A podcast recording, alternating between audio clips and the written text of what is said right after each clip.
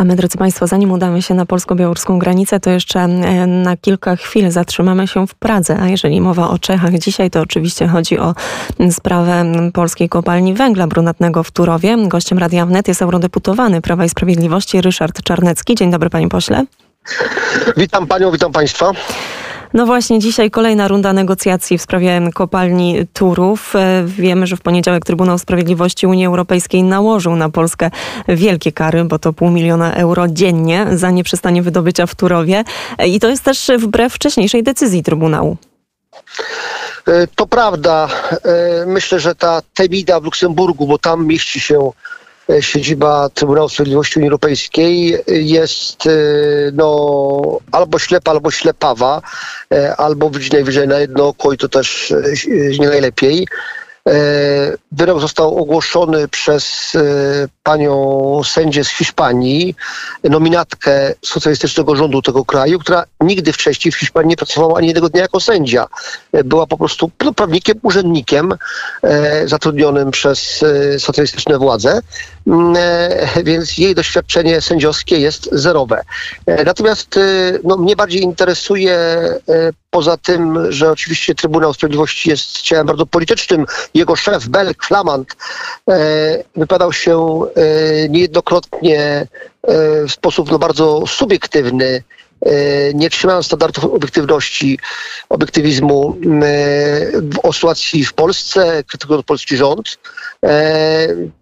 Trybunał jest skonstruowany w ten sposób, że władze poszczególnych państw tam delegują swoich przedstawicieli, bywa, że są to ludzie bardzo mocno politycznie uwikłani i sami ludzie potem podejmują decyzje w sprawie Polski, na przykład dotyczące e, wymiaru sprawiedliwości w naszym kraju. No paranoja. Ale mnie interesuje bardziej to, co dzieje się wokół e, Polski w kontekście identycznych kopalni e, węgla brunatnego. Mamy w Czechach, tuż za granicą z Polską, niedaleko bardzo kopalni Turów, pięć kopalni tego typu.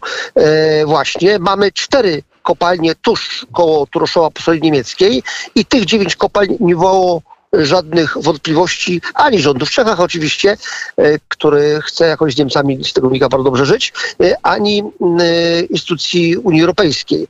No to pokazuje znowu coś, co określam jako double standard, podwójne standardy, że jednym wolno mniej, innym nie wolno i mówiąc znanym E, określeniem brytyjskiego pisarza, zresztą lewicowego skądinąd, George'a Orwella, że są zwierzęta równe i zwierzęta równiejsze. W, tu w przypadku jego powieści Folon zwierzęcy tymi zwierzętami równiejszymi były świnie. Mm, no i to się dzieje niestety w Unii Europejskiej mm, obecnie.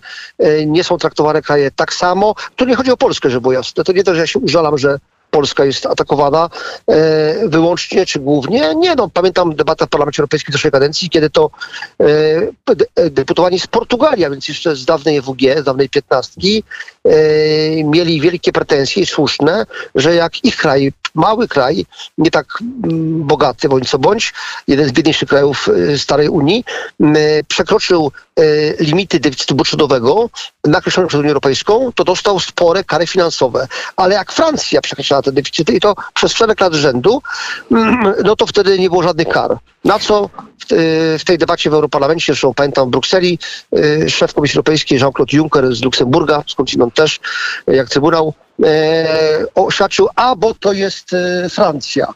No więc y, to, to, jest jakby pokazanie wprost, że są równi równiejsi, że są państwa, którym więcej wolno i mniej wolno. Akurat państwa takie jak Polska i generalnie kraje naszego regionu to są kraje, które są na szczególnym cenzurowanym. Co dalej w tej sytuacji? No to właśnie. są tutaj dwie drogi. Proszę, proszę. Y, są dwie drogi. No, po pierwsze, dogadywać się z Czechami, bądź też dogadywać się y, z instytucjami Unii Europejskiej. Y, natomiast no, też trzeba bardzo wyraźnie mówić, że Mm, no, zamyka pytanie, jak mają te pieniądze nam zabrać, no bo jest sugestia, że... Mogą zabezpieczyć pieniądze... część pieniędzy z funduszu, bo już takie groźby ale, no, się pojawiają. No, rzecz, rzecz, w tym, rzecz w tym, że gdy chodzi o Recovery Fund, Fundusz Odbudowy, to gdy chodzi o składa się dwóch części. Jedna część to wpłaty bezpośrednie, a druga część to są pożyczki. Jeżeli chodzi o te pożyczki, Akurat y, Polska jest jednym z krajów, Francja na przykład nie, ale Polska jest jednym z krajów, które te pieniądze pożycza. Y, również poza tymi, które przychodzą bezpośrednio, bez żadnej y, zobligowania, żeby je oddać w przyszłości. Ale także na niski procent pożyczamy. Żeby te pieniądze pożyczyć, Unia Europejska musiała uzyskać e, zgodę i podpisy pod wnioskiem wszystkich rządów krajów członkowskich Unii UE27, w tym Polski. Więc e, to Polska, także Polska umożliwiła wzięcie tych pieniędzy y, na niski procent na y, parędziesiąt lat, a teraz y, jeden z tych, tych można powiedzieć, dzięki którym ten kredyt został zaciągnięty, teraz ma dostać po głowie. To jest wszystko właśnie dla głowy postawione. Więc no, tutaj tych wątpliwości jest coraz więcej. Polska wciąż otrzymuje z Unii więcej pieniędzy niż tam daje w formie składki członkowskiej, ale to się zmieni. Pod koniec tej dekady, roku 2028-2029, Polska będzie utrzymać Unię Europejską, będziemy jej donatorem, sponsorem, jak zwał, tak zwał. No i wtedy być może wielu Polaków się zastanowi, no, czy rzeczywiście, jeżeli jest organizacja międzynarodowa, która stosuje takie podwójne standardy, to czy, czy rzeczywiście jest sens tylko kłaść uszy po sobie? Panie pośle, to jeszcze na kilka chwil e, zmieńmy e, temat.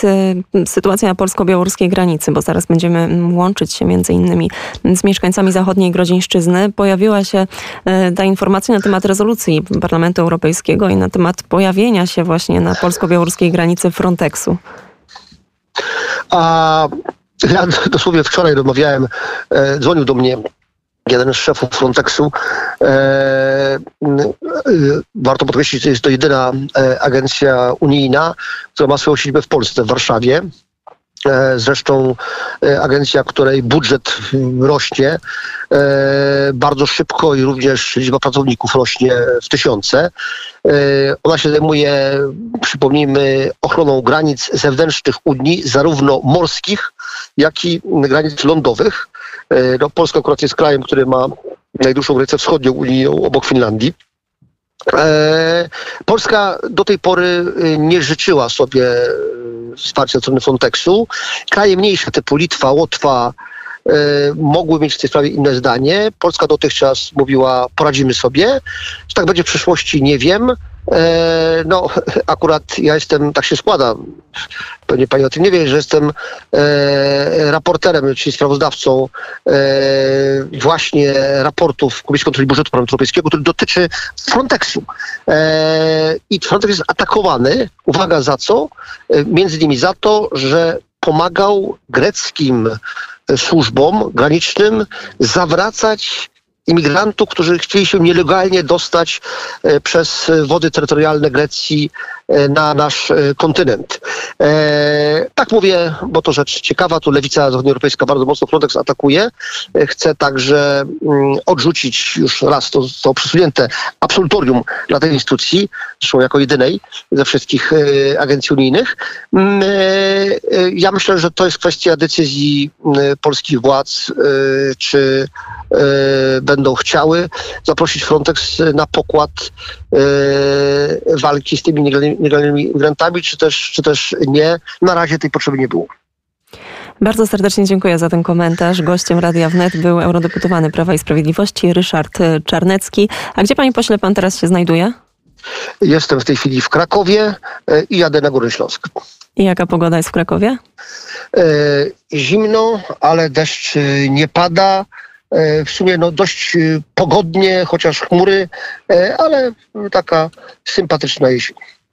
To my też takiego sympatycznego dnia panu życzymy. W Warszawie słońce. Dziękuję, Dziękuję bardzo. W Warszawie słońce przedziera się powoli z chmur i także jest dosyć ciepło. To jest ta dobra informacja, a jeszcze lepsza jest taka, że nie pada i na ten deszcz już aż do wieczora, drodzy Państwo, się nie zapowiada. Mamy dokładnie godzinę 12.41. No to teraz pora na chwilę muzyki.